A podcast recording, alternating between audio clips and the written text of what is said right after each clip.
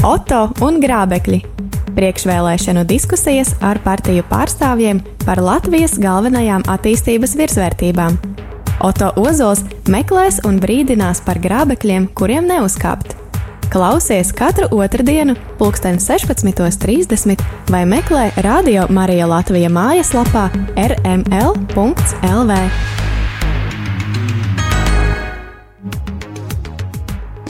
Labvakar, vai labdien, cienījamie radījumi arī klausītāji. Šis, šī raidījuma nosaukums ir autogrābekļi. Jāsaka, ka tas nebūs par dārzkopību. Šis raidījums būs, šī būs politiska diskusija, kurā mēs runāsim nevis ar grābekļiem, bet mēs runāsim ar politiķiem, kā Latvijai izdarīt pareizo izvēli nākamajās saimnes vēlēšanās, lai neuzkāptu uz kādiem grābekļiem un, teiksim, neatkārtot vecās kļūdas. Uh, raidījumā, šajos raidījumos mēs runāsim par piecām, par piecām virsvērtībām, varētu teiksim, galvenajām strateģiskajām prioritātēm, smalki runājot, kurām vajadzētu pievērst uzmanību. Viena no strateģiskajām prioritātēm, ja pēc viņa latviešu mēdz saukt par virsvērtību, kas ir ārkārtīgi svarīga mums, tā ir aizsardzība. Un šodien mēs esam izvēlējušies trīs partiju pārstāvjus. Vairāk, diemžēl, nevarējām, lai neizveidotos pārāk liels, teiksim tā. Kur ir vairāk par trīs, tur ir lielāka jāsaka. Uh, lai mēs nonāktu pie būtības, un es esmu izvēlējies trīs partiju pārstāvjus. Uh, no apvienības, partija apvienības attīstībai pār ir Mārtiņš Stačis. Labdien! Dien. Zemesargs. Zemesargs. Pareizi. Uh, Ainārs Bašķis no jaunās konservatīvās partijas. Labdien! Labdien. Cik es saprotu, arī ar zemesardzi esat bijis saistīts. Jā, es biju viens no zemesardzes dibinātājiem. Un jūs pakāpe? Nu, es demobilizējos kā pulkvežlietnants. Aha, skaidrs. Tad zināšanas un pieredze ir. Un Zaļo zemnieku savienību pārstāv viesturs Silenieks, aizsardzības ministrijas parlamentārais sekretārs, arī zemesargs. Arī zemesargs, jā. jā. Labdien, viesturs. Labdien, labdien. Jā, labdien. Runājot par aizsardzību, man pirms kāda laika pamatīgi iespaidoja viens ievērojamā, teiksim, tā labi pazīstams starptautiskā mediju politiko raksts, kurš tika arī atšifrēts. Daļa no šī raksta tika pārstāstīta arī latviešu. Tur bija stāsts par Igaunijas aizsardzību. Un bija intervētas Igaunijas viens no pulkožiem, kurš stāstīja, kāda ir Igaunija attieksme par aizsardzības jautājumos. Un es tagad nocitēšu, ko viņš teica. Viņš teica sekojošo. Pastāv mūžīgas diskusijas, ka Krievijas spēki var nokļūt līdz Stalinai divās dienās. Un varbūt tā arī ir, viņš pieļāva. Bet viņi nevar dabūt visu Igauniju divās dienās. Viņi var tikt uz Tallinu, bet aizmugurē mēs nogriezīsim viņiem komunikācijas un apgādes līnijas un visu pārējo. Tā paskaidroja Pulkvedis Uhtegi. Uh, Precizējot, viņš teica, viņi var nokļūt līdz Tallinai divās dienās, bet Tallinā viņi arī mirs, un viņi to zina. Viņi saņems uguni no katras stūra uz katru soļu, tā brīdināja komandieris. Un rakstā tika norādīts, ka Igaunijas militārā doktrīna paredz agresijas gadījumā nevilcinoties izrādīt aktīvu pretestību iebrucējiem bez īpaša rīkojuma naukšas. Šo rīkojumu numur viens izdeva Igaunijas pirmais aizsardzības spēku komandieris pēc neatkarības atgūšanas Aleksandrs. Aleksandrs Einsauns, Igauns, kurš 35 gadus bija dienējis pirms tam trimdā ASV armijā. Kungi, jautājums jums katram, vai jūsu partija, ja viņi, teiksim, iegūs aizsardzības ministru posteni, vai viņi izdos šādu rīkojumu numur viens? Sāksim ar Mārtiņu Staķi attīstībai par. Bet šāds rīkojums lielā mērā ir spēkā Latvijas bruņotā. Lielā mērā vai ir precīzi definēts? Viņš ir spēkā, mēs drīkstam. Um, apdraudējuma gadījumā mums nav, nav mēs drīkstam izrādīt pretestību, bet nesagaidot uh, īpašu valdes. Tas ir pienākums, jā. Un mēs arī ši, mūsu aizsardzības doktrīnu lielā mērā to jau arī šobrīd mēs tam to trenējam. Un jūsu viedoklis, vai to vajadzētu precizēt, vai atkārtot, vai uzsvērt? Mm, es piebildīšu, ka Nacionālās drošības likuma 25. pāns, ja nemaldos, tas ir vesela sadaļa par dažādām kompetencijām. Tur viss ir aprakstīts, ka negaidot nekādas pavēles no augšas. Ja? Katrs struktūra vienības vadītājs saskaņā ar valsts aizsardzības operatīvo plānu, saskaņā ar valsts aizsardzības plānu, tie slepeni dokumenti, bet attiecīgi profesionāļi ar tiem ir iepazīstināti. Viņi nekavējoties uzsāk pretestību. Mm -hmm. Tā kā mums tas viss arī ir pilnībā kārtībā. Tātad mēs varam teikt, ka mūsu bruņotie spēki zina, jā, parādās zaļie vīriņi vai kādi, ka viņi rīkojas bez īpaša rīkojuma augšas. Tas pat neatiecas tikai uz bruņotiem spēkiem, tur gan viss skaidrs. Tas attiecas uz katru, katru Latvijas valsts iedzīvotāju, ka katra pienākums ir visiem spēkiem pretoties. Kāda nu kašam spēja, izglītība, sapratne, nu, kaut vai tas ir tas, kas nenest pretiniekam zeķītes un neadīt, ja, nu, kaut vai. Ja. Vai puķis tākiem. Nav svarīgi, jā, vienalga, pilnīgi jebkas, bet katrs savas spēju un izpratne robežās, jo tas ir pienākums. Mm -hmm. Skaidrs. Jā, mēs vēl detalizētāk iesim tālāk. Vai jūs varētu katrs pēc kārtas raksturot, kādi ir, teiksim, pavisam īsi, vienkārši precīzos uzstādījumus, kas būtu pirmie uh, uzdevumi, ko darīt jūsu partija, ja viņa ieņemtu, aiz, uh, ieņemt, uh, kļūt atbildīgi par aizsardzību, kā tādu sāksim atkal ar Mārtiņu? Mm -hmm. Jā, no tās trīs lietas, kuras mēs redzam kā prioritātes, viena ir uh, efektīga apgāde. Uh, mēs redzam to, ka aizsardzības budžets ir būtiski audzis, bet uh, pats sistēma tam īsti netiek līdzi. Un uh, efektīva un saulēcīga apgāde uh, mums kliboto arī norādījusi ir valsts kontrola savā ziņojumā. Uh, arī neizmantojam visas iespējas, kas ir ar uh, izmantot iepirkums, kas ir uh, saskaņot ar Eiropas uh, Savienību un NATO valstīm. Ir labas lietas, kas izdarīts, bet šeit noteikti var vairāk. Uh, Otrs mums ir cilvēku trūkums, vispār armijas uh, spēka efektivitāte, spēju palielināšana. Un, ja mums ar komandējušo sastāvu varbūt tur daudz maz viss ir kārtībā, tad tieši speciālistu uh, vidū tā ir liela problēma, jo armijas speciālistiem ir jākonkurē arī ar. Um, ar um, privāto sektoru, un tādēļ speciālistu atalgojuma jautājums ir, ir aktualitāte. Uh, Un uh, lieta, kuriem, kas mūsu partijai ir tuvu un kas ir pavisam jauns, kas ir nonācis šobrīd dienas kārtībā, ir šis visaptverošais valsts aizsardzības sistēmas uh, plāns, tā ieviešana Latvijā. Šobrīd tikai valsts sekretāru sapulcē viņš ir izrunāts, bet šis valsts visaptvarošais plāns, ko arī viesturs teica, ka katram valsts iedzīvotājiem ir jāzina, ko darīt apdraudējuma gadījumā, šī ir trešā mūsu aktualitāte. Mm -hmm. Jā, ne konservatīva partijā Nārs Bašķis. Tad uh, Rēķināsimies, ka šobrīd mm, aizsardzības budžets ir 576 miljoni, tas ir vairāk kā pusmiljards. Audzis viņš ir viena gada laikā pa 125 miljoniem, un tāda pat e, pieauguma tendence ir notikusi kopš 15. gada. Spējiet iedomāties, tur jebkura saimnieciska sistēma smagi mocās, lai kvalitatīvi apgūtu šos līdzekļus. Mm, nemeklēsim šeit vainīgos, bet šeit ir situācija, kur viennozīmīgi ir jāskatās sistēmiski. Visas pazīmes, visi valsts kontrolas ziņojumi uzrāda, ka nav kārtībā materiāli, eh, NATO materiālu tehnisko tabulu stāsts. Tātad eh, militāra personas nodarbojās ar iegādi. Militāra personām nav jānodarbojas ar iegādi. Militāra personām jānodarbojas ar apgādi. Iegādes funkcija tas, tā, tas ir uz, uz, uz civiliem darbiniekiem. Tātad viss šī sfēra ir jāsakārto. Tā ir pirmā lielā lieta. Otrā lieta - tas ir mūžīgais jautājums, vajag mums vai nevajag obligāto militāro dienestu. Uh, šeit ir ļoti vienkārši atbilde. Vispirmkārt, diskutantiem ir jāvienojas, kas ir obligātais militārais dienests. Ja mēs runājam par kaut kādu teiksim, cilvēku savākšanu kazarmās, un nu, viņi tur gaida un trenējās, un tā tālāk, tā ir viena pieeja. Otra pieeja, ja mēs skatāmies, ka tā ir apmācības sistēma, kas rada speciālistus vai sagatavotus cilvēkus kaut kādā daudzumā, atbilstoši mobilizācijas plāniem, atbilstoši tiem plāniem, kādi ir sastādīti, tad mēs sākam skatīties uz to civilizētu. Un var gadīties, ka kādu speciālistu pietiek apmācīt divas nedēļas, kādu var vispār piesaistīt, un kādu ir nepieciešams apmācīt vienu gadu. Ja? Ir 21. gadsimts, mēs nedrīkstam skatīties uz tām lietām pēc pagājušā gadsimta 20. un 30. gadu pieejas. Ļaujiet man precizēt, jūs nezināt, kas, kā, kāds ir optimāls obligātais militārais dienests mūsu apstākļos, mūsu reģionā? Uh, mums obligātā militārā dienesta, kā mēs zinām, nav. Mums ir profesionāļi, mums ir zemes sargi, mums ir jauns sargi. Mums tagad būs programma aizsardzības ministrijā, kur sāks skolā skolnieks apmācīt, kas ir ok, tā ir ļoti laba lieta. Viņi ir jāturpina. Es vienkārši mēģināju precizēt un saprast, ja mēs redzam, tepat Igaunijā. Un, Orientējoši divu mēnešu apmācību maksimums. Igaunijā un Somijā tas darbojas perfekti un ir skaidrība, tā kā kristāli skaidra, kāda tur vēl būtu jautājumi. Jautājumi ir elementāri. Tad, tad, mm, Nākošais jautājums. Mēs nokopējam, bet adaptējam. Nu, redz, pieskāries pie trešā lielā jautājuma, kas ir jādara, ieejot aizsardzības ministrijā. Tā ir civil militārā kontrola. Tātad aizsardzības ministra pienākums nav viss staigāt riņķī un ganīt militāristu. Militāristi gudri cilvēki, viņi ir gājuši, viņi visu mūžu ir trenējušies, gājuši skolās un vispārējo, un tie cienījami cilvēki. Viņi savu darbu bieži vien ļoti labi zina, un pat labāk, kā mēs varam iedomāties. Bet aizsardzības ministrijas pirmais un galvenais pienākums ir kontrole, un kontrole ietver sevī diskusiju ar cilvēkiem. Cilvēki grib zināt šo pašu jautājumu, vai mums ir vajadzīgs un cik mums ir vajadzīgs.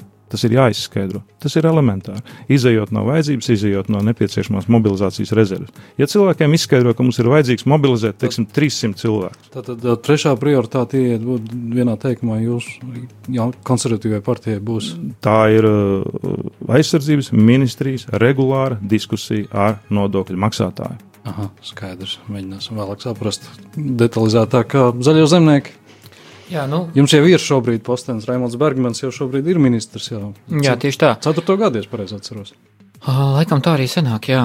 Um, nu, tas laiks jau paskrien ātri, tā kā tā vien liekas, jā.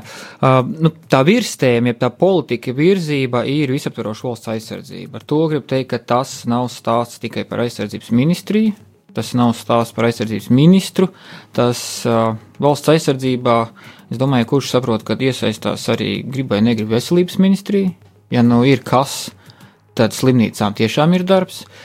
Robežsardze ir iekšlietu ministrija, kur jau šobrīd jau, jau apgādāta arī aizsardzības ministrija ar, ar, ar nepieciešamām lietām, kuras iekšlietām nav. Tā ir, tā teikt, armija karo, tikmēr policija nodrošina kārtību, ja tas attiecās uz izglītību, tas attiecās uz kultūru, uz satiksmi, pilnīgi visu. Nu, nav neviens, kas ir liekais šajā valstī. Ja. Tad katram ir sava mazā loma, tas, ko mēs jau iesākām bišķi ar, ar Mārtiņu arī to uh, pārmējām vārdus, ja šeit pat par to, ka katram ir roka jāpieliek, lai lielais darbs uz priekšu tiek. Ja.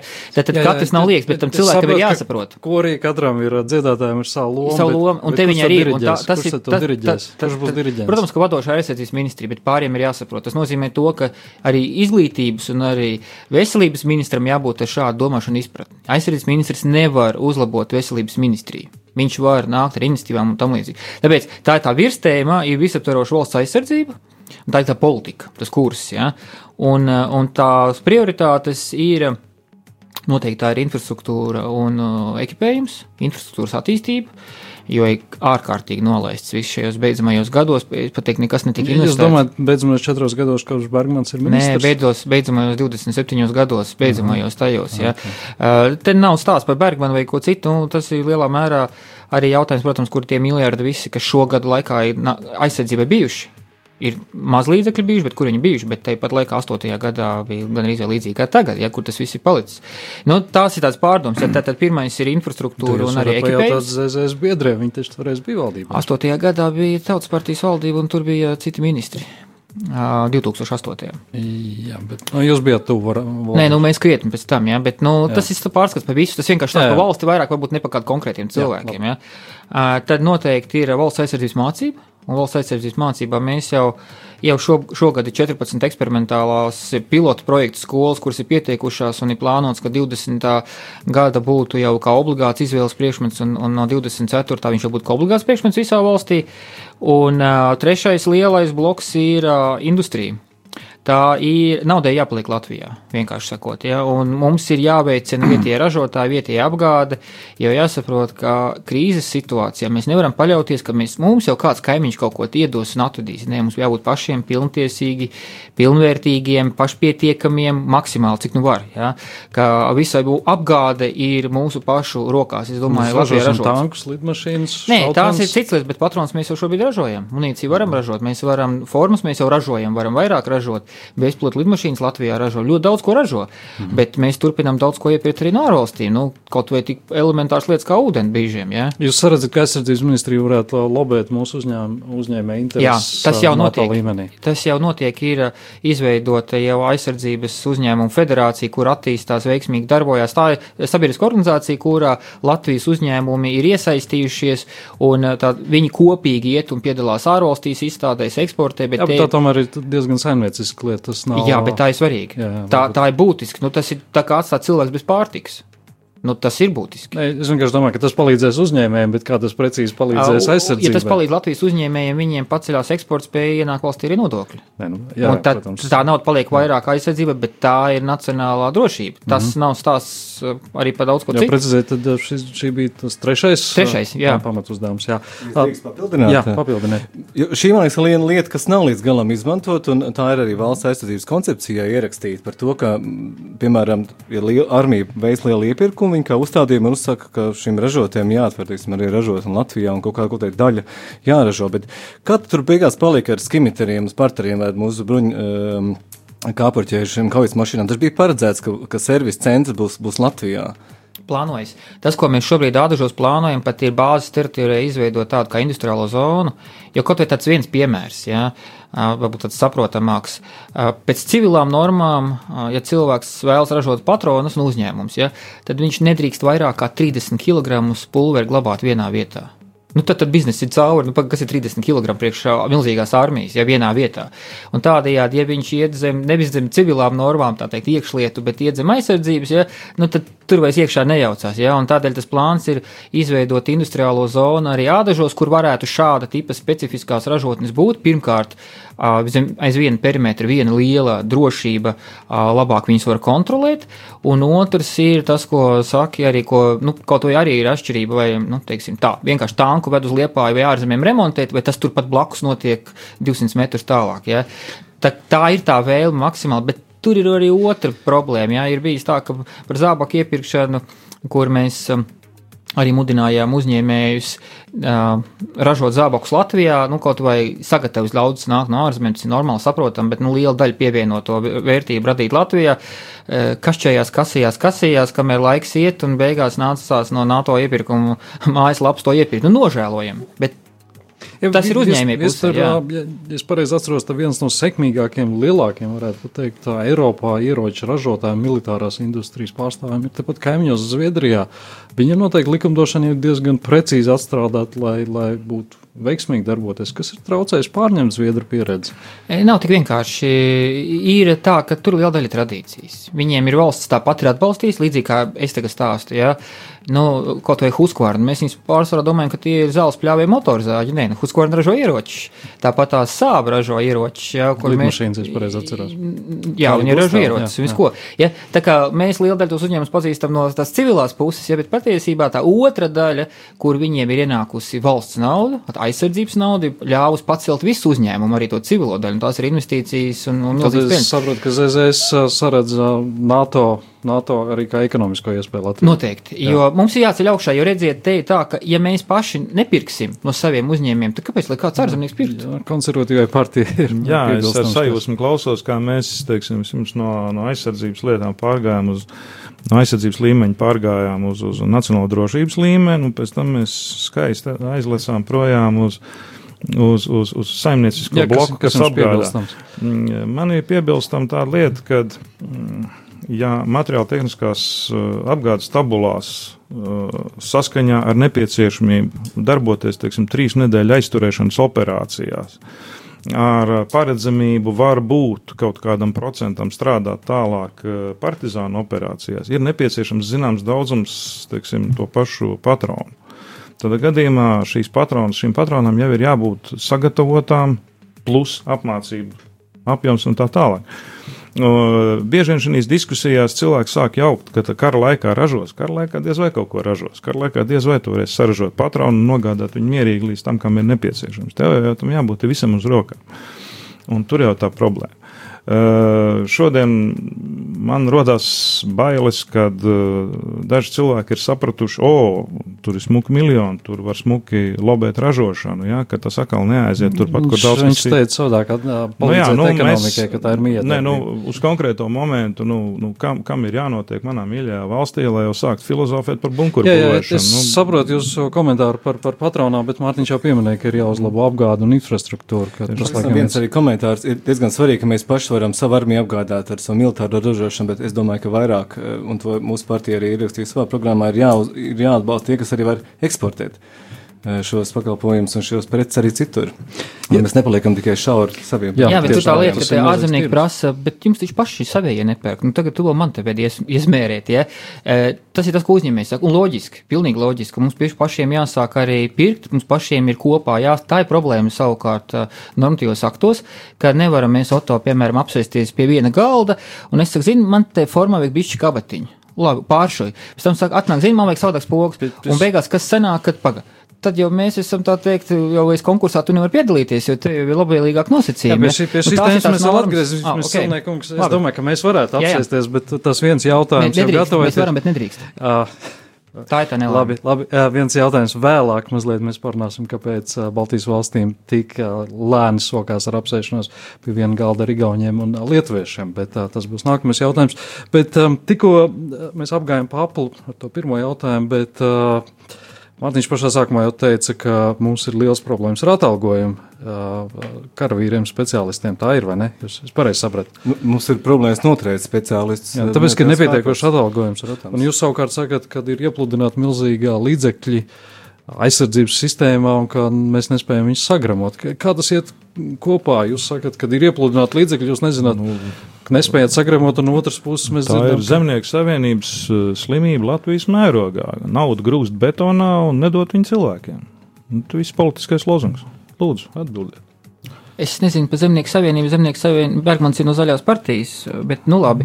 viena Ā, kompānija. Bet, ā, bet ā, Es, es piekrītu, tad domāju, ka to naudu varētu arī zināmā mērā, kas ir šobrīd iepludināta ā, aizsardzības budžetā, ka ar viņu varētu pacelt ā, Viņi jādod ir konkrētas. izglītībā, viņi jādod ir speciālistu atbalstīšanā, sociālā nodrošināšanā. Jā, lai- bet, ja mēs, ja mēs gribam labus, augsta līmeņa speciālistus, kā Mārtiņš vēlās, ja mēs gribam noturēt visaugstākā līmeņa, es pazīstu, tikko atceros, pazīstu. Atalgojums, sociālās garantijas un apmācība. Kur ir problēma? vaļi. Kur ir problēma, teiksim, palielināt atalgojumu Ā, militāriem specialistiem? Pirmais, tas, kas uh, tagad tiek darīts, nu, arī jau nevis cik ir laiks pagājis, bet tagad tiek darīts atalgojuma sistēma kā tāda, kas ir nepareizi bijis daudzus gadus, ka ļoti daudz kas notika uz piemaksām. Mm -hmm. Un, nu, piemaksa tas nav sistēma, ja? tad, tad cilvēks sāk meklēt, kā viņš var kaut ko mazāk darīt, kāds cits atkal vairāk darīt, lai dabūtu savu atalgojumu, ja? un uh, tā sistēma nav, nav stabila. Jā, tas tiek četras gadus atbildīgi par to. Bet mēs to darām. Mēs to, tas iepriekš netika darīts, mēs to darām. Otrakārt, ir, kā piemērs, Kas agrāk, kad tika plānots visas attīstības aktivitātes, nevienās nebija, piemēram, starptautiskā kaujas grupa iet priekšā, nekur, nevienos plānos nebija. Viņi pēkšņi uzrādījās, jā. Jā, pie, pie kas ir normāli. grupas, bet ā, mēs varam Nē, tas sagaidīt. tas pats, tas ir Mēs- tas pats stāsts. Un tad mums šo, šobrīd, ka līdz pagājušajam gadam vēl cilvēki gulēja ārā ziemā teltīs. Un strauji notiek kazarmu būvniecība, lai šos ārvalstu cilvēkus varētu izmitināt kaut kur, lai viņiem neguļā, nebūtu jāguļ ārā. Tas nozīmē visu ādažu bāzes attīstība. Tas, tas, ap- tā teikt, viss apauga ar infrastruktūru, un tāpēc šobrīd prioritāte tiešām ir infrastruktūra. Mēs bišķi no tā atalgojuma lietas aiz, aizmukām pārāk ātri projām. Jā. Tā nauda aiziet šobrīd infrastruktūrā, viņa neiziet atalgojumā. Mhm. Paralēli, protams, jau aiziet, atalgojums pieaug. Cilvēkam ir svarīgi ne tikai alga, bet arī visi citi apstākļi. Ja? Formas, ekipējums, vispārējais. Ja uzreiz jau cilvēks jūtas labāk, ka beidzot jauna forma. Mārtiņ, man liekas, ka tu iestājies zemesardze, tad vēl nebija tās formas, kas ir tagad, ko es dabūju, kā piemērs. Ja? Un cilvēki kaut ko pirka paši, paši ieguldīja naudu, ja? tas agrāk nebija. Agrāk tiešām paši darīja, tagad jau ir. Un līdz 20 gadam plānots, ka pilnīgi visi. Es tagad noakapēti. mēģināšu tikt skaidrībā ar vienu ļoti konkrētu lietu. Es vienkārši pats pirms kāda laika runāju ar ļoti pieredzējušu, godprātīgu, ilgstoši labi izglītotu augstu ranga Latvijas ā, karavīru. Ar daudzām pieredzēm ā, starptautiskajās misijās un, un patiešām lielisku izglītību. Un, es dzirdēju, ka, ka viņš, ka viņš neredz, kā viņš varētu nākotnē normāli uzturēt savu ģimeni par to atalgojumu, kas ir, un pie tam viņš ir ļoti lielā, nu, diezgan augstā pakāpē. Kad, ja jūs būsiet pie teikšanas, kad un cik lielā mērā jūs plānojat uh, palielināt konkurētspējīgu atalgojumu? Mārtiņa. Nu, ja- mēs skatāmies uz armiju, tad, tad tur ir komandējušais sastāvs, ir speciālists, tur ir nu, tā kainieki. Un, uh, Komandējušais sastāvs, mēs šobrīd, nu, es uzskatu, ka atalgojums ir tāds, kāds viņam šobrīd ir konkurētspējīgs. Augot aizsardzības budžetam, uh, ir jau paredzēts arī, ka viņa atalgojums arī iet uz augšu. Manuprāt, tas, ko mēs redzam, ka tieši speciālistu grupā ir jābūt pilnīgi citam šim te algas modulim. Viņš nevar būt tajā kā kopējā sistēmā. Jo vienkārši tajā brīdī viņi sāk pārpirkt privātais uh, biznesu, jo tur vienkārši alga nav Es gribētu teikt, ka bruņoties spēkos, piemēram, ā, kiber ā, komputeru speciālistam. Ļoti labs piemērs. Tieši tā, ja tu bū, gribi būt labs kiberdrošības speciālists, ja, viņam jākonkurē faktiski ar programmētāju algu. Mhm. Tad jūsu partija paredz šo problēmu risināt ātri. Konservatīvā partija Momentāli sākot strādāt pie jaunā budžeta aizsardzības ministrijā, jāķerās klāt pie atalgojuma palielināšanas. Ā, Atalgojumi paredzēts ir pakāpeniski paaugstināt, bet, protams, salāgojot ar visām citām akūtajām vajadzībām. Tā teikt, lai nav tā cilvēks ar lielu algu, bet bez ieroča. Jā, es gribētu jums jautāt, pieņemsim, mums te klausās kāds jauns, talantīgs, spēcīgs uh, kiberdrošības speciālists. Kad viņš varētu sagaidīt Latvijas bruņotajos spēkos uh, konkurētspējīgu atalgojumu? Uh, nepateikšu precīzi nākamgad. Tas atkarīgs ir tiešām no budžeta. Jo Jā. plānots, visas partijas izteikuši, ka budžetu ir gatavs palielināt. Labi, ja palielinās, tad tas var arī notikt arī ar nākamo gadu, ja? mm -hmm. aiznākamo, nākamo vēl nē. Uh, tāpēc, ka nākamā budžeta plānošana jau notikusi, jau ir. Un, un, Tā tad ir 20. gadā varētu būt. jā, jā. Teiksim tā, 19. Jā, gadā. nevajag, nevajag solīt to, kas nav reāli juridiski izdarāms. Jā, Tad, tad tāpēc, teorētiski jā. 19. gadā varbūt uh, es pieņemu, jūs ievēlēsiet. Jo nav neviens, Tad- tad, teiksim, tā, no, neviena no partijām neteiks, mēs esam par to, lai cilvēks saņemtu maksimāli zemu algu. Neviena nav. Jāstāsta, kur ir tā loģika un vajadzības. Okay. Es vienkārši gribēju saprast, Un, ja jūs nokļūstat saimā, tad uh, 19. Pie tam gadā vēl- citīgi strādājat, lai 20. gadā šīs speciālists uh, droši ir. Un jāsaprot, ka Nacionāla bruņoties spēki paši saprot, kas viņiem trūkst. Līdzīgi kā kolēģis teica, ka viņi profesionāļi un paši zina ļoti daudz labas lietas un daudz ir izglītojušies. Ja? Nav jau tā, ka politiķi tagad tie, kas kaut ko dos vai nedos. Bruņoties spēki paši saprot, kādi ir tie līdzekļi un kam vajag Jā, bet paaugstināt. lēmumu par, par, par budžetu tomēr pieņem politiķi. Jā, bet sagatavo profesionāļi. Jo un aizstāv partijas. Jā, Mārtiņ, Tas gan. Jā, komentārs. div, divus komentārus par šiem izmaksām. Jo, nu, pi- pieņemsim, man tikko arī apgādāja ar jaunām lietām zemesardzē, piemēram, lukturīti, ja, kur man jāaprakstās, kurš maksā 130 eiro. Tie pašā laikā turpat veikalā arsenāli viņš maksā 86. vai ne? Un tad, kad es jautāju eh, aizsardzības ministrijas ierēģiem, nu kāds var būt, kur, tas, kur 50 eiro palika? Saku, nu jā, bet saprot, mēs tur pērkam mazos daudzumos, tur jau ir vairāki starpnieki pa vidu. Un te ir tas jautājums par šīm efektīvo iepirkuma sistēmu. Viņas nedrīkst būt tādas, ka mēs pārmaksājam, tad arī būs nauda atalgojumam.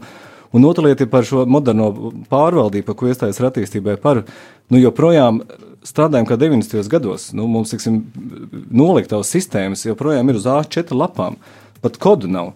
Tā vietā, ka teiksim, mēs tirniecībā jau 30 gadus strādājam ar svītru kodu sistēmu, nu, kas vienkārši pātrinātu, kā pareizi teica Baškungs, ka nevajag staigāt eh, militāru personām ar papīriem apkārt. Viņiem pilnīgi citu uzdevumu ir. Mm. Tad jūs sakat, ka, ka tā sistēma joprojām ir. ā, Tur ir rezerves stīva. iekšpusē, jā, jā, tur ir, Ir milzīgs. Jā, jā, es pilnīgi piekrītu Mārtiņam, ko viņš saka, jo tā tā sistēma ir. Un šobrīd notiek jaunas sistēmas ieviešana, kas ir, nu, tā vienkārši saku, tā kā mēs domājam, ka visi redzam to apjomu, kas notiek lielveikalos, preču apgrozījumā, ja, nu, ka tā sistēma ir tāda pati noliktavu sistēma, kur ir skaidrs, kādas preces šobrīd ir noliktavā, kādas katram karavīram ir uz rokām vajadzētu būt, un, un nu, efektīvi vienkārši ātri. Pie tā šobrīd tas ir procesā. Mums visu laiku jāpatur prātā, ka jūs esat aizsardzības ministrijas parlamentārais sekretārs un uh, Zaļo zemnieku savienība ir atbildīga par aizsardzības ministriju. Četri. pirms astoņiem gadiem, ka to vajag izdarīt. Jā. Jā, pa, uh, jā, tā ir kritiskā daļa, bet uh, tagad pamēģināsim nomierināt skatītājus pavisam īsi. Jā, konstatējiet, ja šobrīd zaļie vīriņi pāriet pār par robežu, ja Putins uh, kārtīgi reizi impulsīvā lēkmē iz, izņem iedzīt ķīli pret Baltijas jūru, kā to izdarīja Pēters I savā laikā, vai Latvijas armija ir gatava aizsargāties? Mārtiņ, kāda ir situācija šobrīd jūsu skatījumā? Nu, es vienmēr teikšu, ka Bruņoties spēki, teiksim, kopumā. Jā, es vienmēr teikšu, ka mēs esam gatavi, jo es esmu pilnīgi pret to, ka kāds vienmēr apšauba mūsu spējas aizsargāties. Un, un, un tie, kas viņu apšauba, jābūt ļoti uzmanīgam šīm lietām. Mums tikko bija mācības namēs, kurās arī pats piedalījos. Mēs izspēlējām vairākus scenārijus. Mēs varam noteikti aizkavēt, mēs varam pretoties. Mums ir gan tam tehnika, gan arī iemaņas. Līdzīgi kā šis uh, politiko um, citāts. Nav šaubu, ka ar milzīgu pārspēku mums var pārņemt. Jautājums, cik ilgi mēs varam noturēties, un vai mēs varam noturēties visas arī tautas līmenī. Es domāju, tas ir ļoti svarīgi. Ka, ka nevajag tautai paļauties tikai uz bruņotiem spēkiem. Visi var šeit iesaistīties, un tāpēc šī vispārējā aizsardzības sistēma, jeb totāla aizsardzība, kā to pazīst Singapūrā, kā arī Somijā, šis ir ļoti populārs stāsts. Šī ir viena lieta, kas ir vairāk jāattīst, un eh, tā būs viena no mūsu pri- prioritātēm. Jā Paškungs, kā jūs vērtējat? Es vērtēju ļoti pozitīvi, tāpēc, ka mēs esam NATO valsts. mm, protams, varētu teikt, ka mūsu armija ir NATO armijas sastāvdaļa, bet tas nebūtu īsti pareizi. Tātad mēs uh, ciešā sadarbībā ar NATO spēkiem pildām Mūsu- savus uzdevumus. bruņotie spēki nav daļa no NATO. Nu, precizēju. mums ir savas, mums ir savi bruņotie spēki, viņiem ir savi bruņotie spēki, tā ir cieša sadarbība. Jā. Tas nozīmē, ka katra mūsu rota nav kādā citā pulkā ieintegrēta iekšā. Jā. Tad, tad varētu teikt, ka ir vienota armija. Tā ir vienota armijas sistēma. Bet eh, vienkāršā valodā viņi ir gandrīz kā vienota armija. Tāpēc cilvēkiem ir jāskaidro vēl un vēl un vēlreiz, kad eh, šaubas vai domas par to, ka mēs varam vai nevaram, viņas ir vienkārši smieklīgas. NATO, NATO armija pārstāv pasaulē 50, pāri pa 50% nacionālā koprodukta no visas pasaules. Un mēs runājam par varbūtējo iebrukumu no Krievijas puses, kur sastāv patreiz knapi vairāk kā 1%. Pilnīgi nesamērojams lietas.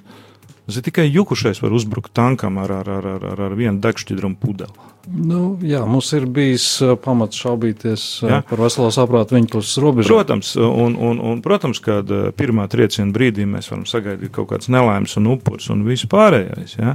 Bet tāpēc mums ir jāliek pretī ļoti nikna spēja. Pats sāk savu raidījumu ar, ar, ar, ar citātu no Igaunijas. Mums tāda ir vai nav jūsu Jā. vērtējumā? Uh, Mums pie tā ir jāstrādā. Es domāju, ka mums ir nevis jābūvē bunkuri, bet mums ir sniper skola. Bet klausītāji var justies droši, ka mēs Jā. uh, Un, un, un, šobrīd un tagad, ja kaut kas Viņi var notiek, justies droši, bet mums ir, protams, aizvien vairāk un vairāk. Sīvis pats par abēlumu grib dzīvot mierā, gatavojas karam. Jā, protams. Jā, un, un, un, Bet skaidrs, tā jūs atbildat, man ir skaidrs, ka, ka šobrīd, ja notiek x stunda pirmo triecienu, mēs godam uzņemt jūsu Domāju. skatījumā.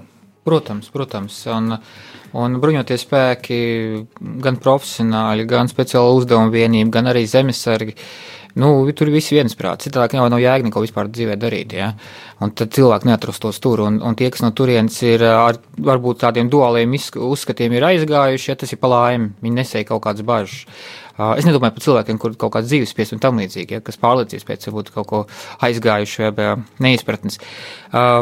Es domāju, nav ne mazāko šaubu. Tas, kas pietrūkst, ir tas, kad visa tauta tā domā. Man liekas, ka labs piemērs šajā gadījumā ir Afganistāna. Afgāņi ar viņu izglītības līmeni, ar viņu nodrošinājumu, visu kādu viņi ir, un pretīm šām lielvarām arī.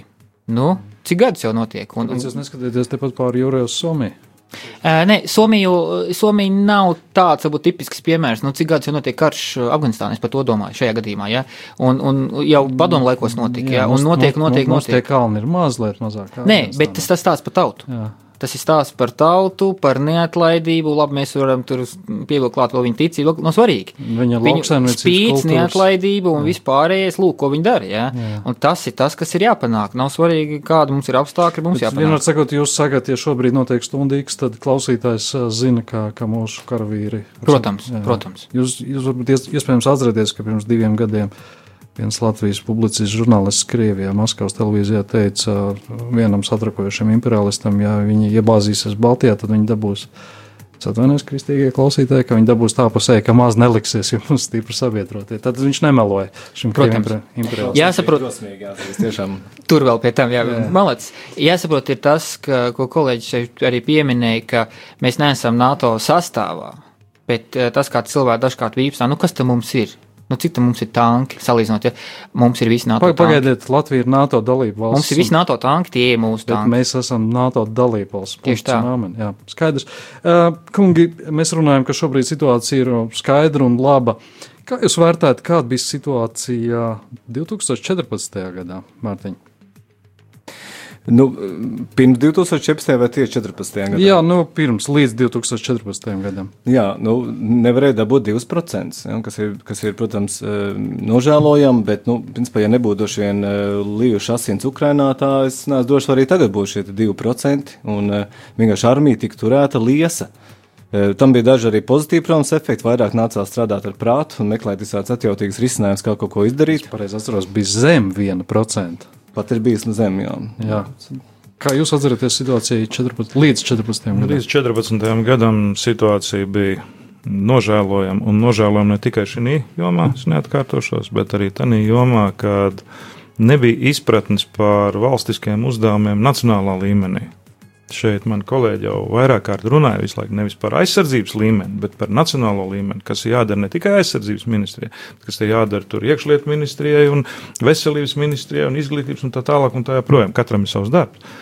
Un 14. gads atnes šo izpratni, nu, varbūt mēs lēnām domājam, bet tieši šodien uz šī fona beidzot ir radusies izpratne, ka jādomā ir par nacionālo līmeni. Jo mazas valsts aizsardzības modelis, efektīvs aizsardzības modelis, ir tikai un vienīgi totālais es, aizsardzības modelis. Silēniekungs, līdz 14 gadam, kā jūs, es esmu dzirdējis, ko jūs teicāt par sistēmu. Nē, nu, man liekas, ka nožēlējami, jo, redziet, parlamentārais sektārs ir gadu.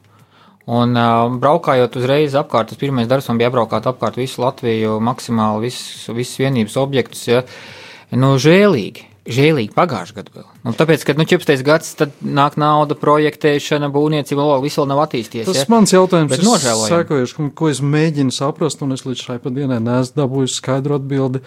Uh, Igaunijai jau līdz 14. gadam bija šie 2%, ja es pareizi atceros. Kāpēc Latvijā mēs nebijām nonākuši līdz tam? Kāpēc bija nepieciešams šim ārprātam Ukrainā, lai mēs beidzot ar milzīgu sabiedroto spiedienu tikai tagad nonāktu līdz šim 2%? Mārtiņ, kāpēc? Kas notic, kas bija mūsu prātā? Kas, kas, kas ir par iemeslu, kāpēc mēs nebijām gatavi tam? Nu, es esmu novērojis, ka mūsu prāts eh, bieži vien labprāt eh, atsakās atbildēt uz jautājumiem, uz kuriem viņš negrib atbildēt. Piemēram, vai ir iespējams karš? Mums tā pirmā atbildē vienmēr teica, ka karš jau nu gan nav iespējams. Un 14. gadā tikai tad sāka viss saprast, ka kaut kas tāds ir iespējams. Eh, Kāpēc Igauniem tas izdevās, man ir grūti atbildēt. Es tikai varu viņam pateikt visu cieņu, ka tas tā ir bijis. Nu, Mūsu gadījumā vismaz nu, nāca apjausma, ka tas ir jāizdara. Nu, līdz tam jau ar kaut kas tika darīts, eh, tika darīts tikai ne tādos apstākļos, kā viņam vajadzētu, bet kas ir diezgan svarīgi saprast, ka eh, aizsardzībai ir jābūt nepārtrauktai un, un, un, un augošai, jo ja viņa, viņa nevar iet augšā lejā, augšā lejā. Ja kā tas notiek tā momentā, notiek tas, par ko stāstīja viesos, ka principā 2008. gadā bija pietiekami liela līdzekļa aizsardzībai, bet pietiek pāris gadus viņiem nebūtu, ka viņi atkal ir tur, kur viņi bijusi faktiski. Mārtiņa, tas būs ļoti precīzs jautājums apvienībai attīstībai par līdz 14. gadam, no 11. gada aizsardzības ministrs bija Ārtis Pabriks. Viņam bija trīs ap pus vairāk gadu laika. Es saprotu, ka vienkārši cilvēks, kurš nav iesaistīts aizsardzības jautājumos, ka viņš var filozofēt, tā būs vai nebūs karš. Bet aizsardzības ministriem šeit nedrīkst būt ilūzijas. Kāpēc Pabrika -hmm. kungs? Vai jūs uzskatāt, ka viņš tomēr bija atbildīgs, politiski atbildīgs, ka šis darbs netika mm -hmm. darīts?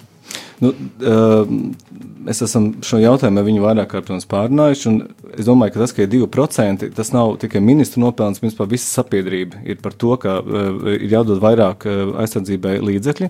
Tajā laikā arī sabiedrībai īsti to nesaprata, būsim godīgi, un arī neviena valdība tam nedeva piekrišanu. Un aizsardzības ministrs jau nelēma par 2%, tas ir valdības lēmums. Bet Viņš gribētu... bija valdošās koalīcijas pārstāvis. Tieši tā, bet nu, ir lietas, kuras Pabrikungs tomēr spēj izdarīt arī pie šiem spēcīgiem apstākļiem. un Mēs zinām, ka Latvijas ā, šis NATO ā, izcilības ā, komunikācijas centrs Stratkoms tika dibināts tajā laikā. Es runāju arī par šiem atjautīgiem risinājumiem, piemēram, šīs skānijas, kas ir, tika savā laikā iepirkts. Viņas tika nopirkts par ļoti zemiem līdzekļiem no Norvēģijas. Vienkārši mēģināja par to naudu, kas ir, nu, izdarīt kaut ko. Arī šīs te pašas kā apaļķējušas kaujas mašīnas tika tajā laikā iepirkts.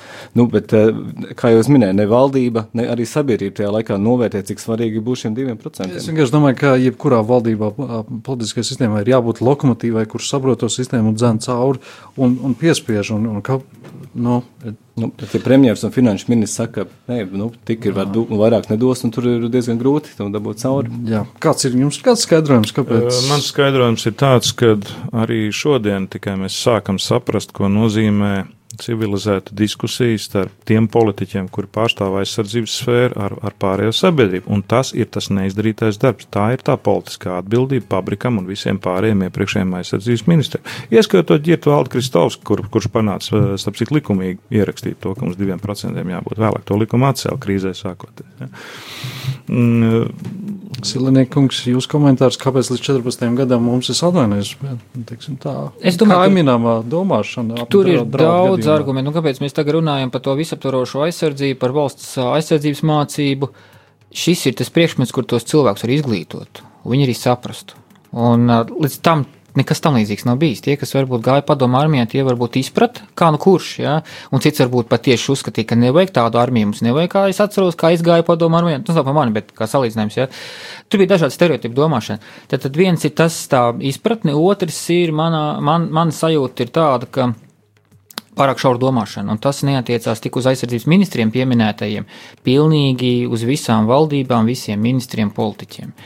Es, a, tur, tur tā bilde, es viņu iztēlojos tā, ka ir zirgs, kas ar tikai savu vagu, viņš neredz, kas notiek blakus vagā un kur nu vēl visu tīrumu kopumā. Un tāpēc tā valstī manā izpratnē vajadzētu būvēt tā, ka viena nozara atbalsta otru. Nu, šeit jau pieminējām, ka aizsardzība arī veselība. Veselība arī visās jomās, jo, ja ir slima sabiedrība, nav jau karavīri, kas iet armijā un aizstāv dzimteni. Tas ir vienkārši mēģināt saprast šādu vienkāršu lietu, ka vēsturi mēs visi diezgan labi zinām. Ja es pareizi atceros, arī Pabrikungs ir vēsturnieka izglītība. Nu, ir doktors. Jā, jā, mēs ļoti labi zinām ar Igauniem un Somiem. Mums ir viens un tās pašas mācības grāmatas. Mēs esam pārdzīvojuši Somi un arī Igauni 39. un 40. gadu. Viņi redzēja šos apdraudējumus, mēs neredzējām. Kā tas tā varēja būt? Vai tiešām sabiedrība pēkšņi ir akla? Uh, viena nelaime ir tā, ka armija nekad neiet ielās un streikos. Pārējās nu, sabiedrības daļas iet, viņi jā. nedrīkst iet un neies. Mēs tagad nerunājam par armiju, mēs runājam par politiķiem. Jā, bet tā tad politiķis ietekme kas? Iziet ielās kāda liela sabiedrības grupa un sāk ar, par viņiem runāt, un nākamajā gada budžetā atrod viņiem naudu. Jā, jā es, es atvainojos, tas bija diezgan retorisks jautājums. Es, tā viena atšķirīgas, protams, Latvijai un Igaunijai. Tas ir obligātā militārā. Jā, tas ir nākamais jautājums. Kāda ir jūsu jūs partijas attieksme par obligātā militārā dienesta atjaunošanu? Tāda, kāds tas ir Igaunijā un uh, Somijā. Mm -hmm. Nu, pēc modeļa. Ja mēs skatāmies, ja būtu Latvijā šobrīd obligātais militārais dienests, mums būtu piemēram vairāk tūkstoši apmācītu cilvēku, tad, ja, viņi, ja būtu šobrīd mobilizācija, ja, tur vajadzētu nu, minimums mēnesis viņus sasaukt šeit viņus apmācīt, viņus ekipēt, viņus kaut kādā veidā viņus dislocēt, un mēnesis jau pie mūsdienu kara apstākļiem jau ir pa daudz. Mēs vienkārši jau esam faktiski. Tāpēc uh, pastāvīgs zemesardzes skaits, pastāvīgs profesionāls armijas skaits, es uzskatu, ka šim brīdim ir optimālais variants. Bet ir veids, kā mēs varam uz to virzīties, un te es piekrītu uh, Baškungam par to, ka mums ir jāsaprot, ko mēs par domājam ar obligātu militāro dienestu. Valsts aizsardzības mācība tiesa uzlabotā veidā, ne tā kā viņš šobrīd, es domāju, tas ir viens solis. Šīs brīvprātīgās rezerves, kas ir diezgan jauna lieta Latvijai, eh, ir tas, kā mēs varam lēnām virzīties uz to, ka mēs jau no skolas laika jau gatavojam noteikti skaitu cilvēku, kas ir sagatavoti valsts aizsardzībai. Ja, Mārtiņ, es mēģinu tagad saprast, kāpēc Latvieši atkal mēģina izdomāt jaunu divriteni. Mēs redzam, ka Igaunijā un Somijā obligātais militārais dienas ir kristāli skaidrs, viņš darbojas, viņš ir apliecinājis. Abas šīs uh, valstu bruņoties spēki ir motivēti, spēcīgi. Kāpēc mums jāizdomā kaut kas jauns? Uh. Mm -hmm. nu, lai arī kāds būtu mans pašs personīgā pārdoms par to partijas uh, uzstādījums, ir tāds, ka mēs obligāto militāro dienestu šobrīd tā kāds viņš ir bijis, nezinu, vai Igaunijas modeli neatjaunojam, mēs redzam, ka tas būtu efektīgi, vai Somijas, bet, jo tur ir arī, zinām, vismaz Somijas gadījumā ir arī vēsturiska pieredze, bet tas, ka mums uz to būtu jāvirzās un caur lūk šīm te manas jau nosauktajām nozarēm uz to pusi jāiet, par to gan mēs esam pilnīgi. Vēsturiskā pieredze tāda, ka viņi nostāvēja pirmo triecienu ziemas karā. Mm. Kāds ir jūsu partijas viedoklis? Skatījums ir tāds, es vēlreiz uzsveru, ir vairākus gadus pēc pēc kārtas masīvas naudas summas ir nākušas iekšā, un šeit es dzirdu no kolēģi, kuri pašais pie varas, kad vēl joprojām ir tik slikti, tik slikti. Tas nozīmē, ka šī sistēmā ir vienkārši jāveic ir ātra sakārtošana. Sistēma kā tāda ir jāsaved kārtībā. Un, un, un, un runāt šodien par, uz, par vēl vienas kaut kādas sistēmas uzlikšanu virsū uz, uz, uz, uz patreizējās aizsardzības sistēmas, tas nebūtu atbildīgi. Ja mēs par ko runājam, tad mēs šodien runājam par apmācības sistēmu. Bet uh, jūs sakat, jā vai nē? Jā, obligātiem kardienestam. Obligātais kara dienests, es vēlreiz atkārtoju, obligātais kara dienests tas ir līdzeklis. Vai šī metode ir pareiza? To ir grūti pateikt. Jā? Tātad mums ir nepieciešama apmācības sistēma. Ja mums ir nepieciešams iesaistīt divus mēnešus, vai trīs, vai sešus mēnešus kādus speciālistus uh, online režīmā, tā ir cita saruna. Bet uh, masīvi pa priekšu, saprotiet, tā ir striķa stumšana. Vispirms iegāzt iekšā puikas kazarmās un tad gudrot, ko ar viņiem darīt. Tā nedrīkst. Mums ir nepieciešams attīstīt apmācības sistēmu, un tas notiek dabiskā veidā. Jā, bet ja mēs to izējām, tad mēs varētu gala rezultātu nonākt. Nedara. Šeit nedrīkst lietot politisks lozungs. Ja mēs izdarīsim to, mēs atkal pazaudēsim saviem profesionāļiem algas un sajauksim visu to, visu to čupā. Ja? Jā, pēc tam pievērsīsimies Zaļo zemnieku savienību. Jā, tuliņ būs pauze, bet varbūt jūs ātri varētu atbildēt. Es varbūt pēc pauzes, jo man, man ir garāks sakāmais, ja, bet uh, nu, es varu Jā. tagad, ja. Jā, varbūt E, pirms aizējām pauzē. Piekrītu iepriekš teiktajiem, tātad, ja šādus uzdevumus saima uzliks izveidot obligāto militāro dienestu, protams, ka bruņoties spēku un aizsardzības ministrija to izdarīs. Bet ko tas prasīs, ko tas ņems un, un ko tas dos? Mēs esam uztaisījuši aprēķinus, eh, kādi līdzekļi ir papildus nepieciešami, lai ieviestu obligāto militāro dienestu, bet tie ir tikai līdzekļi. Tad 18. gadā būtu, nu, gads jau iet uz beigām, 62 miljoni, 19. 98, 20. 126, pēc tam 155, 190, un tur lielākās summas aiziet pat 2028. gadā 323 miljoni. Un kāpēc? Eh, Tāpēc, ka labi, mēs rīt no rīta iesaucam visus jauniešus attiecīgajā vecumā, kuri kazārmas nav. Tātad kazārmas ir jāuzbūvē. Kur ir Es nesaku instruktori? rītdien, bet principā, Nē. principā princips Jā, kā bet, tāds. Te jāsaprot, ka tam mums ir vairākas sistēmas. Vai tad mēs atsakāmies, piemēram, no zemesardzes kā tādas? Nu, laikam es domāju, ka Mārtiņš teiks, ka nē, es arī saku, ka nē. Tātad tas vēl paralēli paliek. Mums ir vajadzīgs profesionāls dienests, kurš uzreiz pēc 15 minūtēm ir gatavs iet ārā. Ja? Tādu vajag. Tātad viņiem jau ir jābūt. Tātad sanāk, ka profesionāļi, kur šobrīd ir, paliek, paliek zemesargi, un tad vēl ir. Cik es saprotu, tad, tad jā, jūs partijas domājat, ka, ka tas jautājums vēl ir jā, jāturpina diskutēt. Viņš ir jāturpina diskutēt, bet īsa atbilde šobrīd ir pie esošā budžeta, esošajām tā teikt, investīcijām. Nē. Jā. Tad, jautājums pirms- pirms ir mēs aizējam, pirms- Pārāk politizēts. Pirms aizējām pauzēs, klausītājiem atgādināšu, ka, ja es pareizi labojieties, kļūdos Lietuvā pastāv obligātais militārais dienests. Tā ir. Jā, bet katrā no šīm Jā, valstīm mums bet- ir jāizdiskutē, kāds viņš tur Jā, izskatās. Igaunijā pastāv, Somijā pastāv, Zviedrijā pastāv. Katrai ir pilnīgi cits stāsts. Jā, pilnīgi cits stāsts, Un bet viņiem, pastāv. no, jā. jā, bet viņiem nosaukums ir obligātais, bet tāpat laikā, nu, Zviedru piemērs, labi, es neminēšu skaitļus, viņus labi neatceros, bet kā piemērs no visas tā skaita, kas ir, viņiem ir tikai daži tūkstoši, kas ir atlases kārtā, ir iesaukt. Tātad nevis visi obligāti. No pirmā līdz pēdējiem, ne kaut kādi, bet nu, saucās obligātais. Tāpēc jāsaprot, ko zem šī vārda, kā kolēģis saka, viņi ar to saprot, un mēs saprotam. sistēma. Tā ir apmācības Nu, sistēma dažiem cilvēkiem. vēl tiek jā, jātiek skaidrībā, tagad neliela pauze, mēs ievilksim elpu un pēc brīža atkal atgriezīsimies. Oto un grābekļi. Priekšvēlēšanu diskusijas ar partiju pārstāvjiem. Kas mūs šķirs no tavas mīlestības? Kas mūs šķirs no tevis, kungs? Kas mūs šķirs no tavas mīlestības?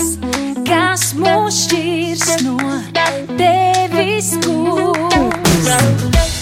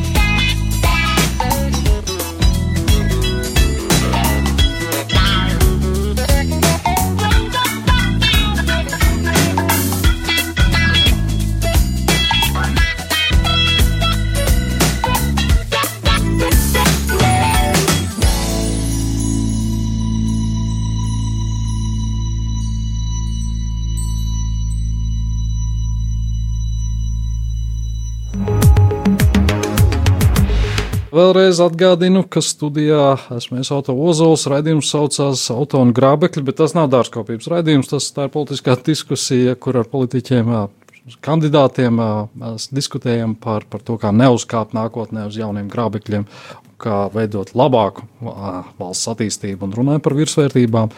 Viena no strateģiskajām virsvērtībām Latvijai tā ir aizsardzība un studijām, un ir šodien Zemesargs attīstībai par apvienības pārstāvis Mārtiņš Staķis, ā, arī zemesargs bijušais, jaunās konservatīvās pārstie, ā, partijas pārstāvis Ainārs Bašķis. Un arī Zemesargs, Zaļo zemnieku savienības pārstāvis, aizsardzības ministrijas parlamentārais sekretārs Viesturs Silenieks. Iepriekš mēs ā, karsti diskutējām par to, vajag vai nevajag Latvijai obligāto ā, militāro kara dienestu. Ā, Nu, skaidrojam, ka tur vēl ir rīktīgi šīs lietas jāizrunā, bet tikko dziesmas pauzē, mēs, protams, interesantākās diskusijas ir pauzes laikā. Tas tāds jocīgs likums. Mēs, es vismaz uzzināju, ka vispārējā tādā aizsardzības koncepcija ir paredzēts, ka pēc 11. klases varētu būt speciāls nometnes jauniešiem. Ta- Tas ir gan 10. gan 11. klasē paredzēts, jā, ka viņiem ir nometnes, un pēc 11. klases viņam vairs apmācība, valsts aizsardzības mācības nav. Viņus tikai ļauj gatavoties eksāmeniem. Bet man šķiet, ka ir ļoti svarīgi, ka ir turpinājums šajā sistēmai. Pirmkārt, ja viņš pēc 11. klases saka, es gribu būt zemesargs, es domāju, ka valsts vajadzētu viņam nākt soli pretī un teikt, mēs, piemēram, apmaksājam augstākās izglītību. Tāpēc tā ir bezmaksas, ka tāpēc, ka tu esi gatavs valsts aizsardzībai. Vai arī, ja mēs šajā te, eh, skolas sistēmā atrodam puikas, kas, piemēram, ir izcili programmētāji, mēs jau varam veidot nākotnes sakarnieks, nākotnes kiberdrošības speciālists. Tur ir liels eh, potenciāls, galvenais, lai šī valsts aizsardzības mācība neizgāžās, un es domāju, tur ir ļoti rūpīgi jāskatās. Kungam aizsardzības ministri precizējiet, pēc 11. klases tas varētu būt obligāts pasākums ā, Tad 10. un skolēniem. 11. klase, kāpēc ne 12. Nu, 12. jau prāts nesās citur jāstājas universitātē, nav laiks. Jā, Jā, jā, 10., Bet 11.. beidzot, šobrīd pamats tās ir tāds, ka vasarā būtu nometne. Ā, 10. klases beidzot 10 dienas, 11. klases 11 dienas gara nometne. Protams, ka viņi nevar būt pilnīgi visiem obligāti. Nu, nav katrs cilvēks radīt tam, radīts tam, lai viņš dzīvotu mežā 10 dienas, un citiem vēl vecāki neļautu. Nu, tas ir jāsaprot. Tāpēc šobrīd tādā, tādā balstiem cimdiem mēs lēnām ejam uz priekšu. Tas ir pilotprojekts, kur pašiem daudz kas jāsaprot. Uh, mums vēl ir nepieciešami arī instruktori. Jau kā piemērs 10. un 11. klasē kopā šobrīd mācās apmēram 25,000 skolēni. Kopā ar profesionālām izglītības iestādēm tie ir 32,000 skolēni. Un neviens Um, instruktors mēnesī ir apmācīts 120 skolēnu, ja, ja 15 apmācāmie pa 8 grupām. Nu, Tīri matemātika. Ja. Tas nozīmē, to, lai mēs šo priekšmetu pilnvērtīgi ieviestu visā valstī, ir vajadzīgi papildus 270 instruktori.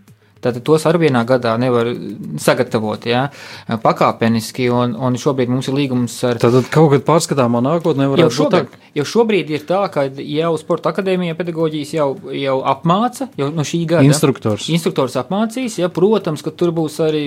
Nu, Tad mēs paši to 10, mācāmies, 10 un neviens priekš. 11 klases beidzēja vienu dienu var sagaidīt, ka Jā. viņiem jādodas uz militārajām nometnēm 11 Bet dienas. jāsaprot, ka tas te priekšmets apmācība tas ir viena pilnvērtīga diena mēnesī. Tas nav tā kā katru dienu kaut kur jāskrien.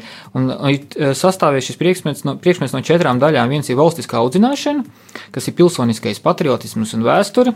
Tad ir dzīves skola, kas ir valsts aizsardzība un rīcība ārkārtas situācijās, tad ir militāro iemaņu apguve, un tad beidzamais ir fiziskās sagatavotības attīstīšana. Ja? Tad, tad tas ir bloks, un, un ja skatās kaut vai tā dzīves skola, nu, tas jau ir priekšmets, kas ir, uh, ko iekšlietas ļoti grib. Civila aizsardzība, tās ir iekšlietas, ja, kur viens otru papildina. Tāpat pirmā Tad, palīdzība lietas. aizsardzības apmācība būs jau integrēta jā. vispārējā izglītībā kā tādā. Un es jau domāju, jā, noteikti, un es domāju, ka tas priekšmets laika gaitā nedaudz mainīsies. To mēs apzināmies, saprotam, tāpēc, ka to mēs paši no jauna radām, mēs darām, un nāks cits nozares klāt. Paši mēs sapratīsim, ka kaut kas nav pareizi, skolēns sapratīs, ka kaut kas neklibo. Ja tā kā viņš ir augšanas stadijā, jā, un būs izmaiņas noteikti. Jā, būs. Mēs tuvojamies diskusijas noslēgumā. Viens no būtiskiem jautājumiem, aktuāliem jautājumiem, nesen NATO sanāksmē ASV prezidents Donalds Trumps pateica, ka Eiropas Savienības valstīm, NATO dalību valstīm vajadzētu palielināt savu budžetu aizsardzībai līdz pat 4% no IKP. Kāds ir jūsu skatījums? Sāksim ar. Kā, kā vajadzētu jūs uztverēt, cik procentiem no IKP atbildīgai valstī Latvijai vajadzētu veltīt aizsardzībai? Nu, arī mūsu programmā ir tāds skaits kā 4%. Bet jāsaprot, ka šis nav tikai aizsardzības budžets. Šiem 4% mēs saprotam to, ka mums ir vairāk jāinvestē ārlietās, tas, ka mēs esam NATO, eh, tas ir, nu, nav fakts uz mūžu, mums jāstrādā, lai mēs vienmēr tur būtu, tur, lai sabiedroto karavīru vienmēr būtu šeit. Tas ir saistīts ar šo visaptverošo valsts aizsardzības sistēmu, ar totālo aizsardzību. Tad, tad kopumā, ar, protams, ar infrastruktūru, kopumā visiem izdevumiem, manuprāt, ir jāvirzās uz šiem 4%, bet paš, pašam aizsardzības budžetam es domāju, ka 2% līdz 2,5% ir, ir, ir tas procents, Ja jūs kļūtu atbildīgi par aizsardzības ministriju, jūs partijas apvienību, kurā brīdī Latvijai vajadzētu sasniegt 2,5% no IKP? Eh, Bet eh, jāsaprot, ka tie 2,5% nav vajadzīgi visu laiku. jo mums, Man piemēram, jautājums, vai jūs saprotat, kad tas notiksies? Nu, tam, jā, pēc mūsu aprēķiniem mēs to varam izdarīt nākamo četru gadu laikā. Jā, okay. Nākamo četru gadu laikā Latvijas budžets uh, Jā. varētu veltīt Bet tad 2,5%. noteikumi to, ka mums nav vajadz, mums, piemēram, vajadzīgas arī investīcijas, kuras varbūt arī veiksim vienreizējas, lai, piemēram, nezinu, nopirktu pretgājas aizsardzības sistēmu, un tālāk jau tas budžets var iet apakaļ varbūt uz 2%. Tas ir svarīgi, lai mēs šobrīd tos caurumus aizpildām, kas ir agrā brīdināšanas sistēma, pretgājas aizsardzība, kur vienkārši mums nu, nav. Skaidrs, tad jūs peldat no 2,5 līdz 2 uh, jaunā konservatīvā partija. Tad mums ir 29 NATO valstis. No 29 NATO valstīm Neskatāmies uz citiem, skatāmies uz sevi. septiņas tiesam mēs, tā skaitā, mēs esam sasnieguši šos 2%. Mm Mhm. -hmm. Uh, skriet tālāk par savu degunu tikai atkal politisku un, un, un, un, un, un populistisku iemeslu dēļ nebūtu prāta darbs. atvainojos, Krievija pār par robežām, nā, tas nav Uh, populiski. Mēs esam sasnieguši 2%. Jā. Man gribētos, lai šie 2% tiek izlietoti aizsardzībai. Mums vispirms ir jāsasniedz tas, lai šie 2% tiktu izlietoti aizsardzībai, nevis visam kam citam. Es saprotu, ka jūs gribat Jā, ir sakārtot. nepi... Protams, 2% ir nepieciešamais minimums. Tas ir bāzes nepieciešamais minimums. Un tālāk ir jāiet tālāk, skatoties pēc vajadzības. Nevar nosaukt, tad nevar nosaukt. pie 2%, bet divu- Minimums 2% minimums. un uz priekšu. un uz priekšu. Skaidrs, ka nekas nav skaidrs, kad, kad vēl Es varētu gan būt. sapratu.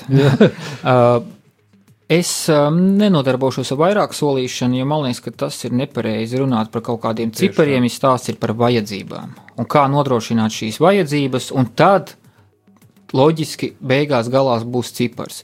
Var dot 2% un nespēt to apgūt, var dot 2% un būvēt Latvijā skolām sporta zāles, kuras sen jau ir liela daļa aizvērtas, ciet, ja tāpēc, ka nav skolēni un tā tālāk nodarboties ar muļķībām, jeb 2% apgūšanu. Ir vajadzības, kuras ir ā, jārealizē, kas nepieciešams bruņotajiem spēkiem, un pēc tam arī tā summa radīsies. Uh, summu visas, nu, nevar teikt visas, bet liela daļa partijas arī klātsošie saka, ka ir gatavi, nav pret, ir gatavi paaugstināt, loģiski, pamatoti, ja, un es domāju, ka es arī nejūtu, ka būtu kāda pretestība šobrīd uh, visās partijās, kas kandidē vēlēšanās, kad būtu gatavi atbalstīt uh, aizsardzību, ja, bet tam izlietojumam jābūt loģiskam, pamatotam. Es, es gribētu nodalīt to saprātīgo izlietošanu. Es pieņemu, ka jūs partijas kļūstat atbildīgs par šo sfēru, mācāt saprātīgi izmantot. Bet es vienkārši domāju, principa pēc, jo sabiedriskai strateģiskais partneris ASV prezidenta personā saka, ka vajag 4%, tad mēs sakām, nu, var, jā, pie 2% paliksim, varbūt kaut ko vairāk. Tas nav pārmetums mums, tas drīzāk ir pārmetums tiem visiem pārējiem, izņemot septiņiem, ja, kad, lai vismaz tie pieraujās. Jāsaprot vēl tas, ka valsts budžeta ieņēmuma aug. Tātad koprodukts mums katru gadu arī pieaug. Rezultātā summa tiešā veidā nedarot neko, nepaukstinot 2%, matemātiski skaitlis, jeb miljoni paliek vairāk. Mm -hmm. Tas arī jāņem vērā. Jā, skaidrs. Pavisam ātri. Uh, Es nepieskaršos tik plašam tematam kā Eiropas kopējā bruņoties spēki. Kā jūs vērtējat mūsu sadarbību ar tuvākiem kaimiņiem, Lietuviešiem un Igauniem šobrīd? Mārtiņ. nu, nepietiekami izmantotas iespējas. Viennozīmīgi. Un arī sarunās ar uh, aizsardzības ministrijas ierēģiem var arī kā saprast ar to loģiku. Nu, piemēram, Igauni jau ir izplānojuši visu četrus gadus uz priekšu, un nu, ko tam mums darīja gaidīt, kad viņiem atkal būs naudas vai pašiem pirkt. Bet te ne tikai runa ir par Baltijas līmeni, es domāju, ka sadarbība vispār arī par e- Ziemeļ uh, Eiropas vispār valstīm un arī Eiropas līmenī un arī NATO kopīgi iepirkumi. Tās ir tās lietas, kas ir jāizmanto vairāk. Nu, tagad ir šis jaunais Eiropas Savienības. Bet, jā, vienot sakot, Pesko vienkārši mums jāpaļojas. Ir, Jā, jā, nu, nu, jūs domājat attīstīt šo? jāizmanto vairāk tas, ka mums, piemēram, ir visām valstīm ir dažādas bruņojums. Viena jau ir nu, nepareizi. Jā, tas ir Vašķis. Uh, militāri, militārisms vienmēr ir jāskatās ir divos griezumos. Tīri militārajā un civilajā. Ja? Tas ir divas pasaules, pat NATO Brīseles štābā ir divas pasaules. Militārajā jautājumā patreiz mūsu sadarbība ir adekvāta, jo tā ir izējot no NATO skatījuma. Civilajā jomā, protams, mēs varētu vairāk kontaktēties savā starpā, tādā veidā atrast iespējas kaut vai pieminētajā tematikā par aizsardzības bruņojumu. Tad jūs sakat, ka šobrīd sadarbība militārajā līmenī jau ir. Militārajā viņi ir adekvāti, civilajā varētu būt, ka nepietiek. Civilajā jūs domājat iepirkumu un tādas lietas. Arī politiskie kontakti un tā tālāk. Tā ir iespēja meklēšana, tie ir varianti. Tie ir varianti arī, lai civilā pasaule mūs efektīvāk apkalpotu. Nu, sadarbībai vienmēr ir divas, vismaz divas puses, šajā gadījumā trīs puses ir, ja, un un, nevienmēr ir tā, kā mēs izdomājām, kā citi piekrīt, beigās citi to izdara. To pašu arī par mums var teikt. Ja? Tā, tā ir ārpolitika pamatā, ja, un viņa nav tik vienkārša. Bet uh, stiprināt attiecības vajag. Profesionāla līmenī tiešām daudz kas notiek kopā, notiek mācības kopā, izglītība, Baldefkola kaut vai Tartu esošā skola, ja, kur mūsu rektors ir, piemēram, ja, nu, daudz ļoti lietas ir, kas tāpatās ir gan jūras spēkiem ir kopā, gan mācības, gan aktivitātes, nu, ļoti daudz kas ir kopā jau. Tātad, ja es pareizi saprotu, tad ZZS šo sadarbību vērtē jau šobrīd labi. Un... Nē, es viņu nevērtēju labi, bet viņi notiek, viņi vienmēr vienmēr var uztaisīt un veicināt daudz labāk. Jā, labi, kungi, laiks ir beidzies. Es noslēgšu šo redzējumu ar, ar, ar tādu nodomu vēlējumu, ka atšķirībā no 40. gada Latvijā turpmāk būs kopīgi ar brāļu tautām, Igauniem un Lietuviešiem vienotā aizsardzības sistēmā, ka mēs skaidri redzēsim, kā mēs varam aizsargāties un ka Misteram Putinam mēs varam nodot vēstījumu domāju, Vladimiru Putinu, ka nevajag apdraudēt ne Latviju, ne arī kādu citu valsti. Mm, Paldies par diskusiju. Visu labu. Paldies. Uz redzēšanos. Oto un grābekļi. Priekšvēlēšanu diskusijas ar partiju pārstāvjiem par Latvijas galvenajām attīstības virsvērtībām. Oto Ozols meklēs un brīdinās par grābekļiem, kuriem neuzkāpt. Klausies katru otrdienu, pulksten 16.30 vai meklē Radio Marija Latvija mājaslapā rml.lv.